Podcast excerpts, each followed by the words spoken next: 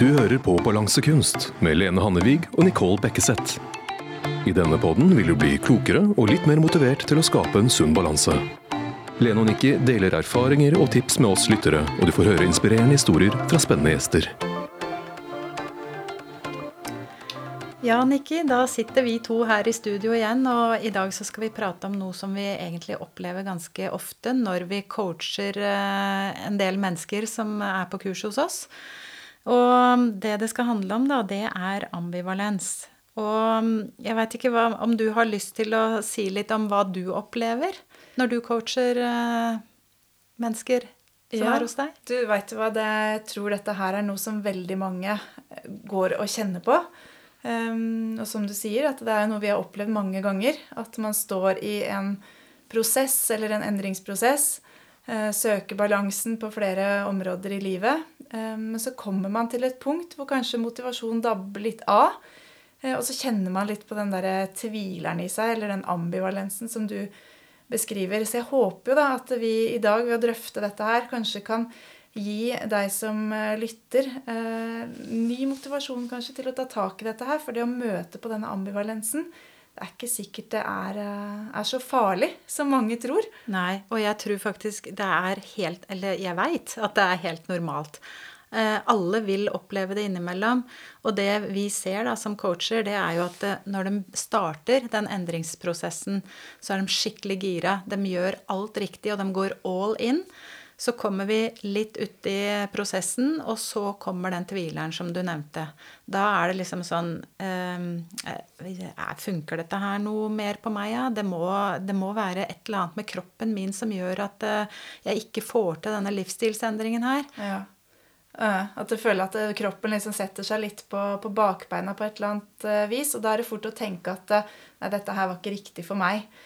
Og så tenker jeg eh, mange har en sånn følelse at det må være lettere vei til målet enn det jeg holder på med nå.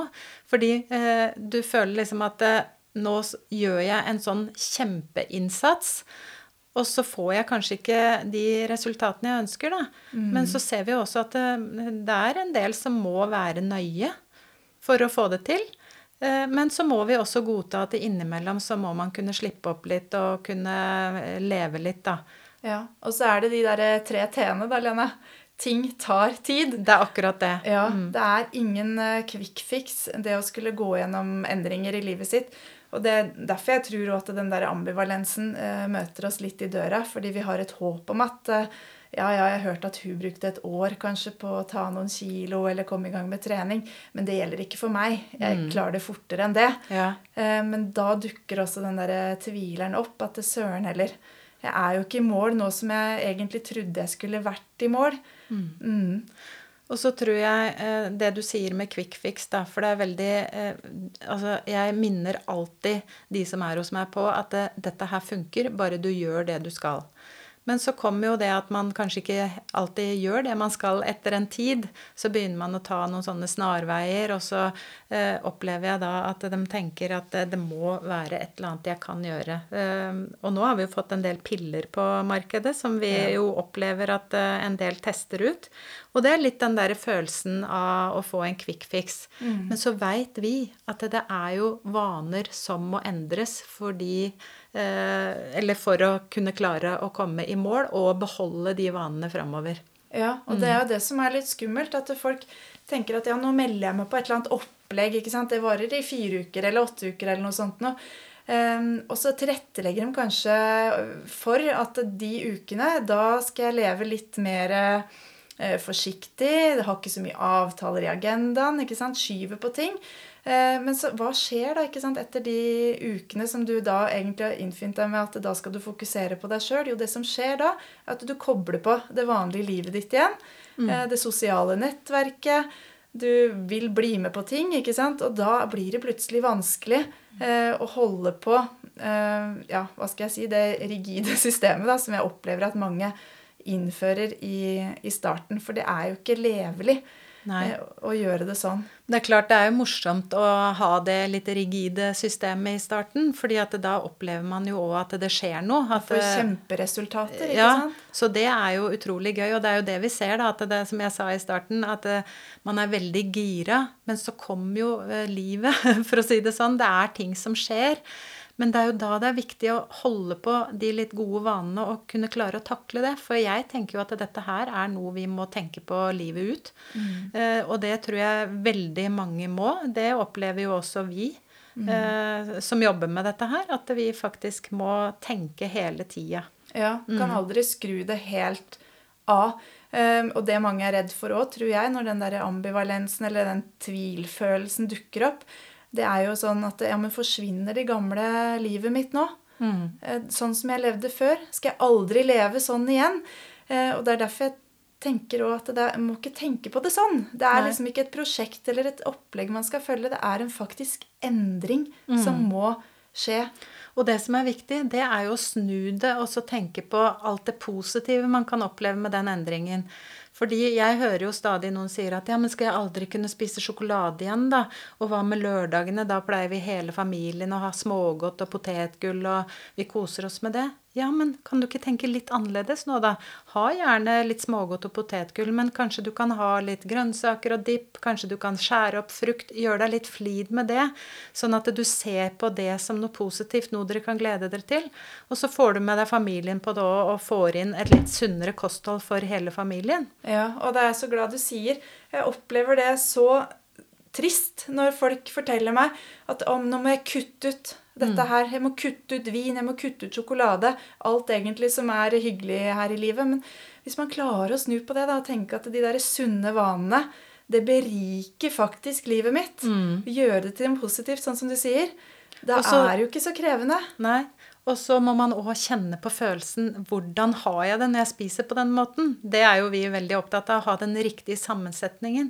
Og det betyr jo ikke at du ikke kan drikke vin, ikke kan spise sjokolade eller potetgull, men det er snakk om å gjøre det i litt mindre mengder enn du kanskje gjorde før. Men jeg tenker jo òg når du nå skal ned, for det er jo veldig mange som er opptatt av at de skal ned i vekt, for å si det rett ut. Eh, Og da må man gjøre en innsats. Man kan ikke drikke vin flere ganger i uka. Man kan ikke spise sjokolade flere ganger i uka. Gjør en innsats, da, den perioden nå, for å komme ned til målet ditt. Og så eh, kan du heller kunne nyte litt eh, Ja, ny, nyte litt etter hvert, rett og slett. Ja, for det er jo litt sånn at du får jo ikke andre resultater hvis ikke du gjør en endring. Nei. Hvis du fortsetter som før, så skjer jo ikke noe. Og da er jeg litt sånn opptatt av akkurat det du sier der. For det, jeg pleier å coache eh, disse kurs... Ja, dette gleder jeg meg til. ja, kursmedlemmene. Og eh, det jeg pleier å spørre dem om, da, det er jo eh, Hvis du tenker på det livet du hadde før eh, du startet med den endringen her, hva var fordelene med å fortsette sånn som du gjorde før? Ja, Hva er det folk eh, pleier å svare da? Nei, da svarer de som regel å, det var, det var deilig, for det, da slapp jeg faktisk å tenke. Da kunne jeg bare spise det som eh, blei servert. Eh, Jeg kunne kose meg med vin, jeg kunne ta for meg sjokolade, og jeg hadde liksom mye mer sånn frihet. Jeg slapp å leve eh, litt sånn rigid, sånn som jeg gjør nå, kanskje. Mm. Ja, den er i komfortsona, rett og slett. da. Slippe å ta stilling til hva skal jeg spise. Slippe å planlegge, kanskje. Ja. Men det jeg pleier å si, da, det er at ja, jeg skjønner faktisk akkurat det der. Men det er jo en ulempe med det, for hva skjer når du gjør akkurat det? Du, gjør, du spiser fritt, og du tar akkurat det du vil, du drikker vin, du koser deg veldig. Eh, Da kommer jo da ulempene med å fortsette som før. Og hva opplever du at eh, dem tenker som ulemper da? Ja, når man får satt eh, Det blir liksom sette kniven på strupen og kjenne etter. Ja, hvis jeg hadde fortsatt som før, så hadde jeg kanskje fått de der livsstilssjukdommene som jeg ikke vil ha. Jeg hadde jo ikke blitt i noe bedre form hvis jeg hadde fortsatt sånn som før, med å la være å trene. Mm. Og det hadde gått utover kanskje kostholdet til, eh, til unger og i familien òg, hvis jeg fortsetter å lage middager uten en plan eller en baktanke. Ja. Mm. Og jeg opplever jo også, hvis jeg spør om fordelene da, ved å, å, fortsette som før, så opplever jeg at de som virkelig er motivert, de sier at nei, det er ikke noen fordeler med sånn jeg levde før. Mens de som kanskje har kommet litt lenger og begynner å bli litt lei av å være så nøye og sånn, de kommer med akkurat det, vi nevnte i stad. Ja, de savner litt det livet som Ja. var litt lettere før. Men samtidig da, så er det jo litt sånn at alt du gjør her i livet, har jo konsekvenser. Eh, men det er kanskje det med at eh, man forholder seg til kostholdet eh, så mange ganger hver dag at det oppleves derfor litt mer krevende å hele tida skulle planlegge og tenke gjennom det man gjør. Ja. Eh, men alt annet har jo også konsekvenser, så selvfølgelig også kostholdet. Ja, absolutt. Så, men det jeg pleier å si, da, for å liksom dra det litt framover og få fram det positive, sånn at, eh, at de kjenner på motivasjonen sin igjen, da, det er jo Men hva er egentlig fordelene som du opplever nå ved å ha gjort den endringa? Kanskje du har gått ned noen kilo, kanskje du har eh, Ja, du, du føler deg lettere. Og hva er fordelene da? Jo, det er jo akkurat det at man føler seg lettere.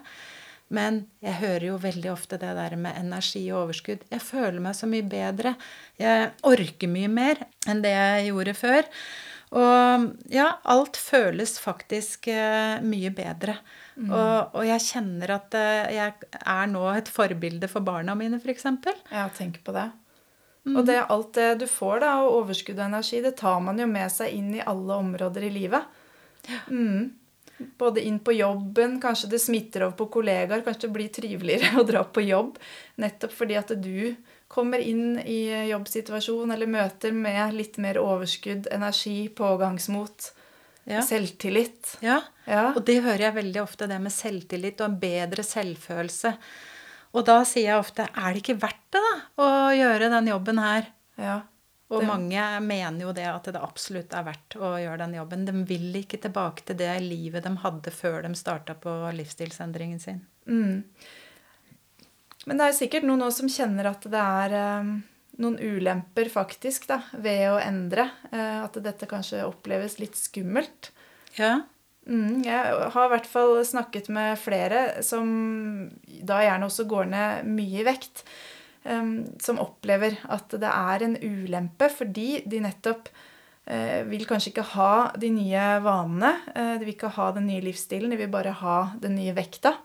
ja. Men det vil egentlig bare fortsette som før. Eh, Men også litt dette her med tanke på identitet. Jeg snakka seinest med ei nå forrige uke som nevnte dette her med at ja, men jeg har jo alltid hatt humor på kroppen min. Jeg har alltid vært den morsomme i gjengen som har kunnet le av min egen kropp, og at jeg har vært så stor og lagd mye humor ut av det. Da blir jo ikke jeg hun morsomme lenger hvis jeg går ned i vekt. Nei. Nei, så det at eh, man kjenner litt på den der ulempen ved at man faktisk må finne seg sjøl litt på nytt ved å gå ned i, i vekt, eller plutselig skulle bli den personen som trener, når du tidligere har vært den i gjengen som har ledd av de der Ja, men herregud, hun går jo på ski klokka seks om morgenen, og det der er ikke noe for meg, ikke sant? Mm, ja. Mm. Ja, det, det- det tror jeg det er mange som ikke har tenkt på det på den måten at det kan være en ulempe. Men det er jo litt sånn å jobbe med seg sjøl og da eh, prøve hele tida å fokusere på fordelene med det jeg gjør nå, ikke sant. Mm. Og ikke være redd for den der tvilsfølelsen da, som man kanskje går og kjenner på. Heller prøve å være litt nysgjerrig. Det tror jeg kan eh, gjøre at denne ambivalensen eller den tvilen kanskje minker. Det å tørre å si det høyt. At det, Huff, ja, jeg syns dette her er litt vanskelig, for jeg veit ikke helt hvem jeg er som en person som trener, eller som en person som eh, spiser litt sunnere. Mm.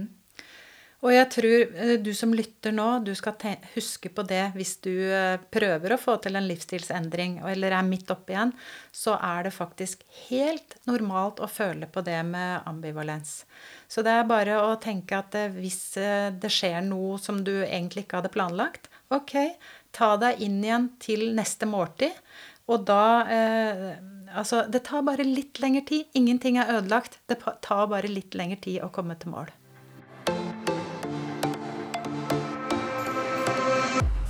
Men jeg tenkte nå eh, i forhold til eh, eh, Det er jo noen som kanskje ønsker noen råd, da, når du kjenner på den der ambivalensen. ambivalensen. Har vi det, Lillene? Lene? Har Ja. vi noen gode råd? Jeg tenker jo det, og så bare stoppe opp og puste og tenke og, og liksom se for deg hvor viktig er egentlig målet mitt.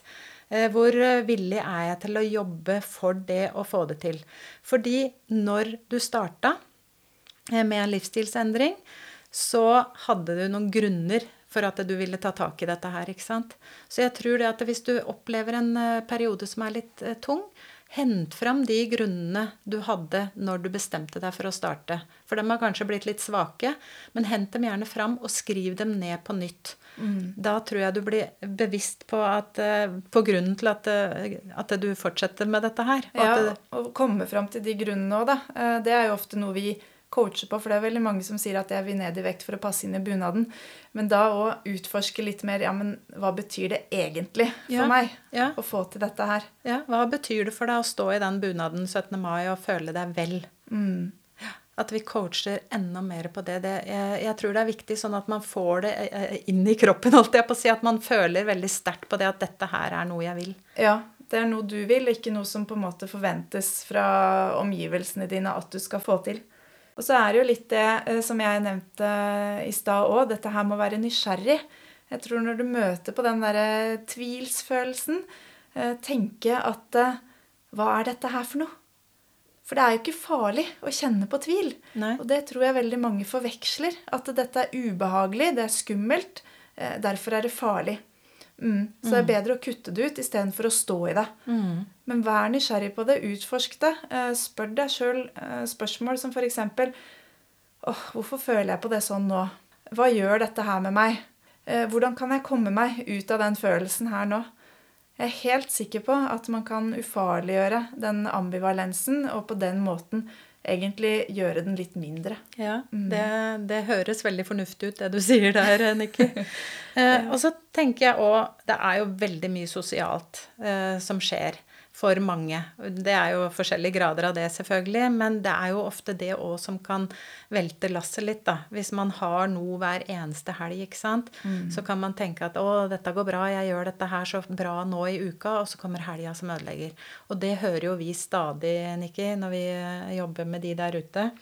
Eh, at eh, ja, det går så fint, men helga, den ødelegger for meg. Den er vanskelig. Ja, Har du noe du pleier å si da, eller? Ja, jeg tror det er veldig viktig det å planlegge godt eh, når du skal i sosiale settinger. At du tenker igjennom, at du på en måte nesten visualiserer eh, hvordan det skal bli. Du veit kanskje litt hva du får servert. Du veit at det kommer kaker, at det er vin. Bestem deg på forhånd hvordan du skal legge det opp. Tenk nøye gjennom hva, hvordan du skal gjøre for å få det til. Sånn at det ikke ødelegger for hele den innsatsen som du har gjort tidligere i uka. For det er jo innmari kjedelig, da. Veldig kjedelig. Ja. ja. La helga, ikke la helga klødde det til. Mm. Nei. Mm. Og så tror jeg òg det er viktig å fortelle de rundt deg at uh, nå uh, har jeg bestemt meg. Jeg gjør en livsstilsendring. Jeg gjør dette her for helsa mi. Jeg gjør det for å føle meg vel, for selvfølelsen, selvtillit og ja, klærne som skal passe. Alle de der eh, tinga der. Jeg vil gjøre dette her nå, og jeg håper at dere kan støtte meg på det. Ja. Jeg tror det gjør det mye enklere å være åpen om det. Hva tenker du om det? Jeg er helt enig. Og så tror jeg, det har vi jo snakka om, dette her med å inkludere andre i sin prosess. Hvis du ikke tør å gjøre det, så tør du kanskje ikke helt å tro på det sjøl heller at du får det til. Mm. Det er kjempeviktig ja. å åpne seg opp og inkludere og involvere de andre. Og i hvert fall hvis du lever i en familie, da. Da er du helt avhengig ja. av at folk er med. Ja. Du kan ikke late som da. Jeg tror det er veldig viktig det derre å få med seg resten av familien og de rundt deg. Og husk på det, da. At du har jo alltid et valg. Du kan velge sånn, eller du kan, eh, kan velge sånn. Men, men, jeg bare lurte på en ting, Nikki. Eh, sånn i forhold til de gamle vanene. Hva tenker du? Altså, Man jobber jo inn nye vaner, men tror du de gamle vanene bare forsvinner helt da? Nei, jeg tror ikke det. Nei. Jeg tror ikke de gamle vanene forsvinner helt. Nei, For vi opplever jo det ofte at uh, i litt, kanskje litt vanskelige perioder, da, så faller vi rett tilbake igjen til de der gamle, dårlige vanene. Mm. Og det er jo da vi snakker om at det Ja, det er derfor vi må innarbeide uh, de nye, men at det krever øving. Ja. Masse, masse øving. Og over tid. Og det er ikke noe eh, det er jo ikke noe nederlag å oppleve å falle tilbake til gamle vaner. Det betyr bare at eh, ja, det, sånn gjorde jeg det før. Ok, ja, men det er ikke sånn jeg vil fortsette å ha det. Så nå må jeg øve litt til. Jeg er ikke helt trygg på de nye vanene mine ennå. Hva, hva pleier noen... du å si eh, når folk opplever det at de faller tilbake på gamle vaner? Nei, jeg tenker jo Eller jeg pleier da å si det at ja, ok, nå har du falt tilbake. Og så er det da bare om å gjøre seg å komme rett inn i de gode vanene igjen. Og da veit du at du vil føle det så bra når du er i de gode vanene. Mm. Når du spiser bra, når du har aktivitet eh, på plass. Alt det der er i orden. Mm. For det er ikke sånn at man kan si at eh, jeg vil bare ned i vekt, jeg. Men eh, de vanene, dem legger jeg bort. For det, da blir det en kur som går over en periode, og det er jo ikke det vi skal ha. Vi skal ha vaner som varer livet ut. Ja, og da kan du ikke vente til mandag med å komme inn på sporet igjen. Nei. Nei, trenger ikke det. Du Men så veit vi jo òg at livet kan komme, da. At ja. det kan eh, skje ting. Eh, at man opplever noe som er veldig, veldig vanskelig. Og mm. da, hva skjer da? Jo, da kommer de der eh, dårlige vanene tilbake. Ja. Man orker ikke tenke. Nei, det er noe med det. Men innimellom så skal jo livet også bare skje. Og jeg tenker at det er helt greit. Ikke få den dårlige samvittigheten på toppen av det hele, for det gjør jo bare vondt, uh, vondt verre. Mm, det er helt sant. Så jeg tenker det viktigste nå, det er å skjønne at ambivalens, det er noe som vi alle opplever innimellom. Vanene kan falle tilbake. Det viktigste er at vi henter dem fram og lever videre med de gode vanene, og at vi på den måten finner balansen i livet. Du lyttet til Balansekunst med Lene og Nikki. Hold den sunne balansen ved å følge oss på Facebook og Instagram under balansekunst.podkast.